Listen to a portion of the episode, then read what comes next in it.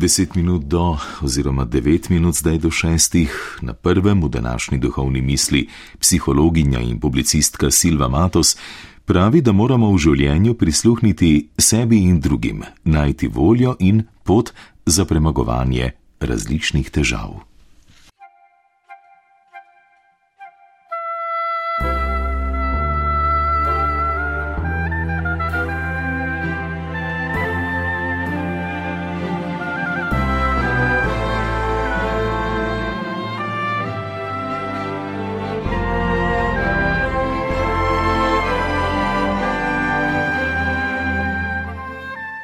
Ko hodiš po poti skozi življenje, je dobro polno zajemati iz njega vse, kar nam daje, vse, kar je.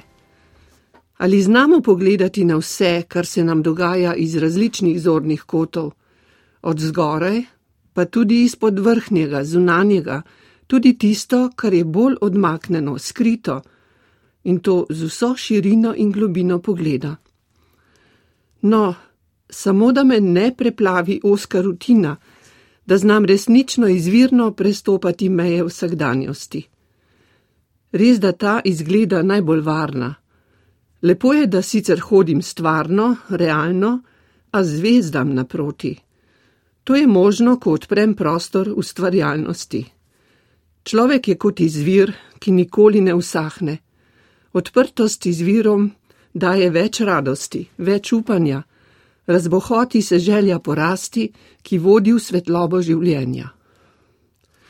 Da le ne negujem svoje bolečine, da se je ne oklepam, ob tem pa sploh ne opazim, da življenje tiho drsi mimo. Jaz pa se izgubljam, pogreznen v skrbi, težke občutke krivde, sramu, zamere so v meni, kot bi zastiral svojo notranjost s temnim oblakom nevrednosti. Prisluhniti sebi in drugim, prisluhniti, kaj se resnično dogaja. To ne pomeni, da se mračno pomilujem ob težkih občutkih ali pa da jih kljub bolečini ne ignoriram in se delam srečen. Narejena, navidezna, izumetničena čustva človeka prej ali slej uničujejo.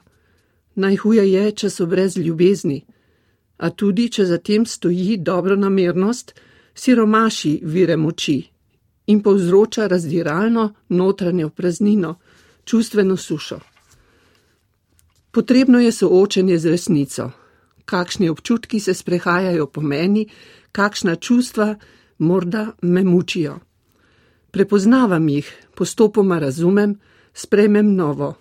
Laže je, če dopustim, da so mi drugi, posebno bližnji, lahko ogledalo. Če to ni bilo možno od otroštva naprej, se moram do tega počasi prebiti v odrasli dobi. Zavem se svojih moči. Z voljo oživim svojo pot v smeri resnice. Resnica nas osvobodi, čeprav lahko zelo boli. Volja do življenja je čudovita je sila, ki daje zagon v rasti, včasih izveni kot napadalnost, a ni vedno slaba. Tudi tega se človek uči.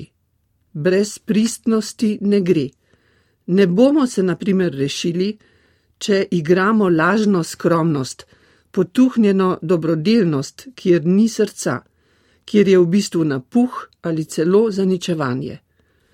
Ko to izveni, ko se razreši zabloda, mine bolečina, pride več moči za sprejemanje drugega, kar okrepi samo spoštovanje. Bolje razumem svoje temeljne potrebe, tudi svoje občutljivosti.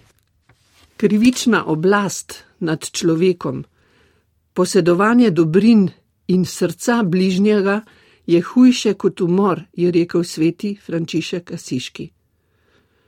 Potrebne so vedno nove poti, nove zmage, male in večje, ki pripeljajo do ljubezni.